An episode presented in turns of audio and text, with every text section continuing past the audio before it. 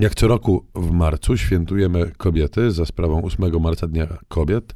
Święto e, przez niektórych lubiane, przez innych nielubiane. Głównie przez tych, co im się nie chce wstawać po tego kwiatka. Pewnie tak jest. E, jesteśmy w stanie wytrzymać lenistwo tego typu. Nie wytrzymamy lenistwa intelektualnego i braku czytania, więc do czytania o kobietach z goździkiem w ręku najlepiej namawiamy. Zaczynamy od książki pod tytułem Kłopot z kobietami. To książka dla leniwych, no bo przede wszystkim narysowana.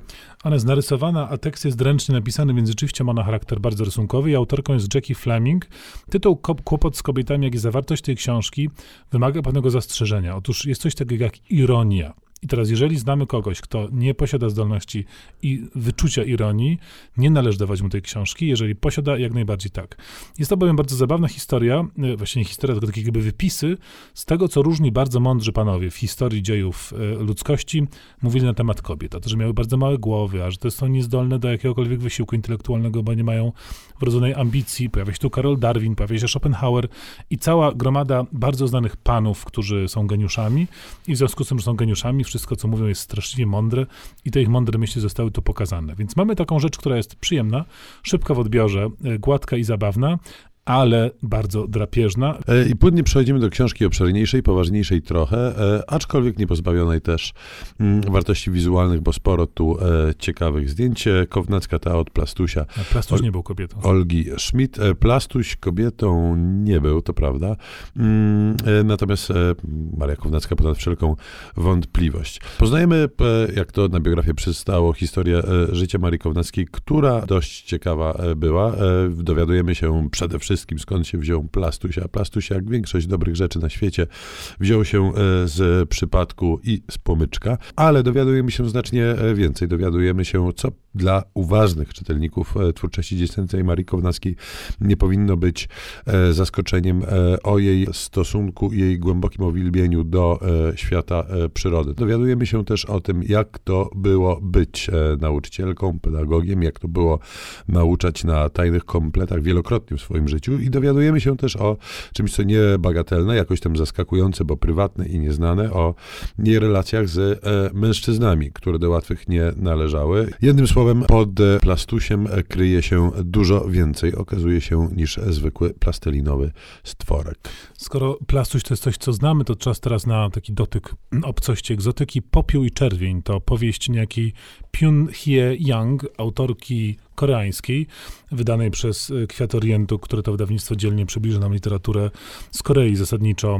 Y, wciąż jeszcze niewystarczająco u nas znaną. To jest zupełnie Okładka jest taka powieść. groźna, sugerująca. Tak, groźna ona jest, sugeruje jakąś zarazę i rzeczywiście mamy tu historię, która dzieje się w nieokreślonym, ale azjatyckim kraju i bohaterem jest człowiek, który no, ma wyjechać do owego kraju ze swojego własnego do pracy. Otrzymuje po prostu posadę w centrali swojej firmy, ale bardzo dziwne rzeczy mu się przytrafiają, bo w kraju docelowym panuje epidemia. On zostaje zatrzymany, bo ma wyższą gorączkę i zachodzi, zachodzi podejrzenie, że coś z nim jest zdrowotnie nie tak.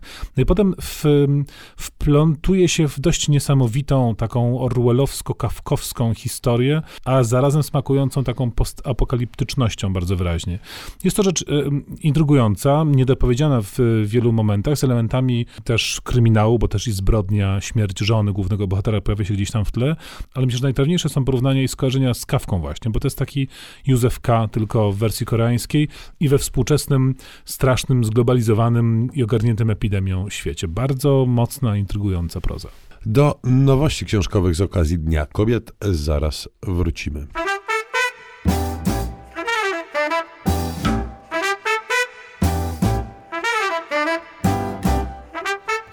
Piątka z literatury. Polecają. Szymon Gloszka i Tomasz Pindel. Do nowości z okazji Dnia Kobiet e, wracamy. Mariana Enriquez to kolejna mroczna książka na naszej e, liście po popiele i czerwieni. To opowiadania, to co utraciliśmy e, w ogniu. Bardzo co? mocne, bezlitosne, argentyńskie, krótkie prozy, no, które opowiadają o życiu kobiet między innymi. Pozwólcie poprawię to, co utraciłyśmy w ogniu, brzmi tytuł. Y, Tak też nazywa się ostatnie opowiadanie. I są to opowiadania rzeczywiście y, wspaniale fantastyczne, bo to jest taka fantastyka, ale subtelna. Można porównać z Cortazarem w jakiś tam sposób, ale no to jest jednak y, nie tyle córka, ale nawet wnuczka Cortazara, czy taka fantastyka bardzo psychologicznie interesująco poprowadzona. Bardzo dużo postaci kobiecych i perspektywa kobieca rzeczywiście jest w, tej, jest w tych tomach bardzo wyraźna. Ale ja bym powiedział, że, że, te, że te opowiadania mają dwie najmocniejsze strony, właściwie to trzy, jak o tym pomyślę. Bo pierwsza to jest niezwykła umiejętność uchwycenia i pokazania klimatu, miejsca, charakteru y, y, opisywanych, y, opisywanych z wnętrz czy zewnętrz przy pomocy bardzo niewielkiej ilości słów.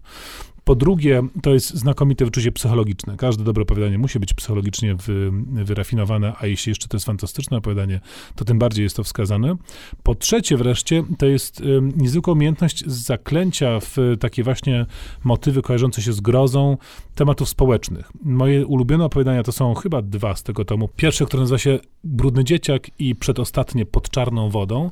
To są dwie historie pokazujące w znakomity sposób, gdyby je tak ścisnąć i, i zinterpretować, lęk klasy średniej, tych zamożniejszych mieszkańców dużych miast przed tymi tak zwanymi niźnami społecznymi.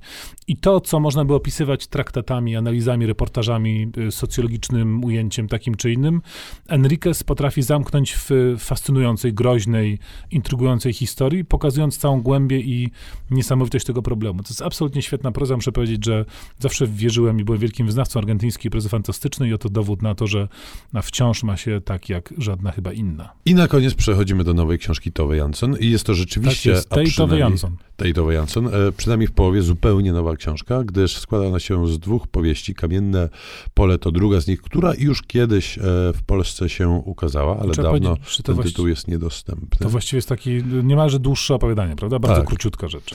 E, Natomiast mamy też do czynienia z absolutną premierą. Słoneczne Miasto w przykładzie Justyny Czechowskiej to książka, która należy do mojego ulubionego gatunku literackiego, bo moje ulubione książki traktują albo o nastolatkach, albo o ludziach starszych. I tych pierwszych jest sporo, tych drugich stanowczo za mało, a tutaj jeszcze mm, znajdujemy się w takim miejscu, które jest e, najbardziej stereotypowym ze stereotypowych, czyli no, Słoneczne Miasta, czyli te wszystkie miasteczka na e, Florydzie, w tym wypadku jest to florycki Sankt Petersburg, e, gdzie na werandzie, głównie w fotelach bojanych, toczy się życie mm, wesołych i czasami nie tak wesołych e, staruszek i staruszka. No i trzeba powiedzieć, że jakkolwiek brzmi to w streszczeniu zupełnie nie muminkowato, to, to wszystko jest takie jak y, najklasyczniejsze książki Tove Jansson, bo ona jednak stoi przede wszystkim precyzyjnym opisem postaci, zachowań, taką cienką, ale wyraźną kreską kreśli ludzi i to, jak wchodzą ze sobą w interakcję. To jest siłą tej książki. Oczywiście tam też się sporo dzieje, mamy sektę mesjańską i różne inne zagadki, ale to, to przede wszystkim jest takie finezyjne, psychologiczne portretowanie postaci. Z tym, że jest ona świadoma tego, że nie pisze dla czytelnika dziecięcego i, i jest e, pozbawiona rzeczywiście chyba jakichkolwiek hamulców. Te opisy są ostrzejsze, mocniejsze, mm, mniej muminkowe. Jednym słowem, mamy co czytać. Pozdrawiamy serdecznie i życzymy wszystkiego najlepszego z okazji Dnia Kobiet. Goździkiem rzuć. Do domu wróć. Szymon Kloska. Tomasz Pindel.